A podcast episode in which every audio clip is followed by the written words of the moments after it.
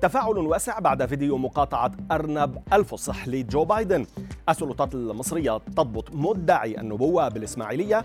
الملياردير إيلون ماسك يصدم الكثيرين لا أملك بيتا. أبرز أخبار الساعات الأربع والعشرين الماضية في دقيقتين على العربية بودكاست.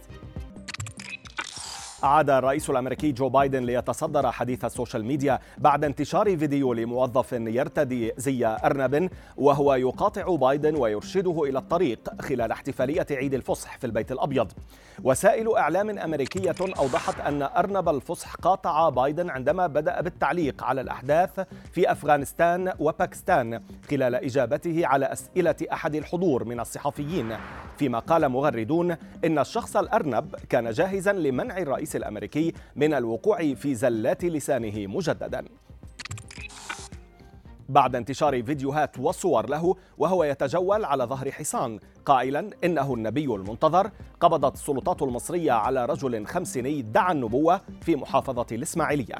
الأجهزة الأمنية بوزارة الداخلية المصرية كشفت في بيان أن مدعي النبوة من مدمني المواد المخدرة مشيرة إلى أنها اتخذت الإجراءات القانونية ضده عقب ضبطه. فيما قال شهود عيان لصحيفة الوطن المحلية إن الشخص ظهر منذ نحو خمسة أشهر في بعض المناطق ثم اختفى وعاد للظهور مرة أخرى قبل يومين وكان يردد بأنه رسول مصر وأنه مرسل للمصريين وذكر اسمه في القرآن. من مصر إلى الجزائر حيث ضجت مواقع التواصل بعد تداول صور وفيديوهات من حفل غنائي أقيم السبت الماضي في مدينة بجنوب شرق العاصمة الجزائرية أمام أحد المساجد. ناشطون ومغردون أشاروا إلى حدوث مشادات لفظية وتلاسن بين منظمي الحفل وإمام المسجد قائلين أنه طالب عبر مكبر الصوت القيمين على الحفل بالتوقف ومراعاة حرمة شهر رمضان.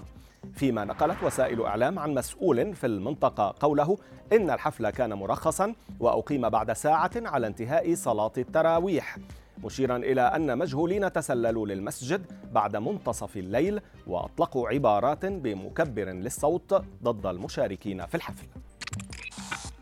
لا أملك بيتا حاليا وأقيم عند أصدقائي.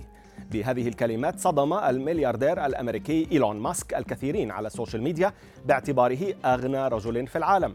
ماسك قال في مقابلة مصورة إنه يبقى حرفيا في منازل أصدقائه موضحا أنه إذا سافر إلى منطقة باي حيث تقع فيها معظم الأعمال الهندسية لشركته تسلا يتنقل ببساطة بين غرف النوم الاحتياطية لدى أصدقائه. وأضاف الرجل المثير للجدل أن مشكلة كبيرة ستحدث إذا أنفق مليارات الدولارات سنويا في الاستهلاك الشخصي على حد قوله. وفي خبرنا الأخير عادت قضية انفصال النجم الأمريكي جوني داب عن زوجته للواجهة من جديد هذه المرة مع تفاصيل مروعة. صحف أمريكية أفادت بأن الطبيب داب الخاص أعلن في إفادة مسجلة أمام محكمة في فيرجينيا أنه تم العثور على قطعة من إصبع جوني داب في المطبخ بعد شجار شرس مع زوجته السابقة مشيرا إلى أن الطاهي هو من عثر على الإصبع.